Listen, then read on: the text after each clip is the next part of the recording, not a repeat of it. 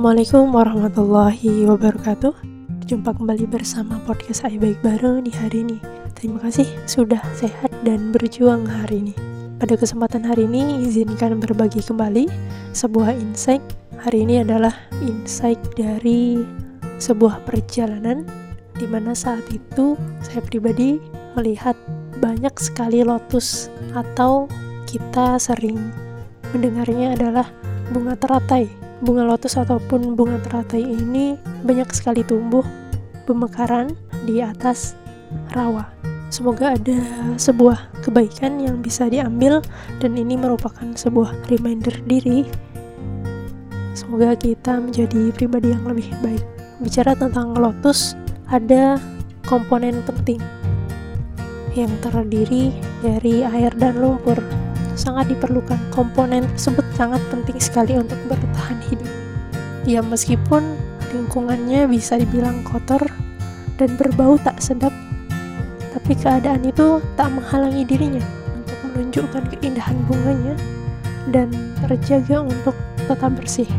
Ini kemudian menjadi sebuah gambaran bahwasanya manusia juga sejatinya memang tetap membutuhkan satu sama lain. Meski pada orang yang kurang baik sekalipun ini ada ada sebuah filosofi menarik ya terkait dengan lotus. Kemudian dikaitkan dengan manusia tapi ketika kita dihadapkan dengan sebuah lingkungan yang memang kurang baik tapi di sana ada sebuah hal yang menarik bukan berarti kita juga harus mengikuti dan meniru kejelekan yang orang sekitar biasa lakukan dari lingkungan sekitar kita yang biasa dilakukan. Sayangnya, teratai atau lotus ini hanya mekar dalam waktu yang sangat singkat. Ada yang malam mekar, pagi harinya sudah layu loh.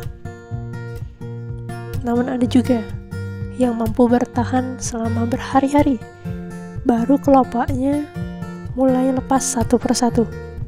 Sebuah keyakinan bahwa berbeda dengan yang lain bukan menjadi penghalang untuk menjadi yang terbaik. Pada hakikatnya, manusia juga hidup di dunia dalam waktu yang singkat. Semakin kita memaksimalkannya, maka akan rasa bahwa hidup ini semakin cepat dan singkat sekali kemudian hanyalah sesuatu yang infinity, yang kekal abadi, yaitu keadaan kita sesudah mati. Sama seperti bunga matahari, teratai atau lotus banyak memberi manfaat pada makhluk lainnya. Misalnya, melindungi ikan dari tariknya matahari, menjadikan daunnya untuk tempat serangga yang kemudian hinggap serta katak untuk melompat dan lain sebagainya. Padahal yang ia bisa lihat sepanjang hari hanyalah tempat hidup yang kotor karena perbuatannya yang selalu memberi bantuan. Maka memiliki bunga yang indah dan dijadikan sebagai bunga yang sangat berharga oleh sekelompok manusia adalah bentuk imbalan bagi teratai yang menakjubkan. Semakin banyak hinaan dan ocehan orang lain kepada kita, tentu saja semakin banyak peluang kita untuk terus bertumbuh. Kemudian kembali lagi ke lotus atau teratai.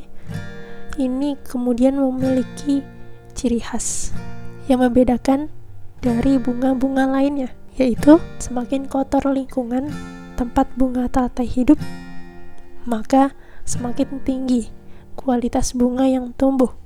Secara nggak langsung, teratai mengajari kita untuk menjadikan hinaan dan respon negatif orang lain tentang kita sebagai motivasi dan alasan untuk pantang menyerah menggapai apa yang menjadi mimpi kita bukan justru menjadikan beban hingga bikin kita minder dan putus asa guys.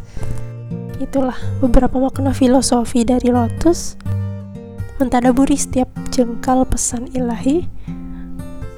Semoga bisa diambil kebaikan ya terkait dengan filosofi lotus ataupun kita sebut dengan teratai.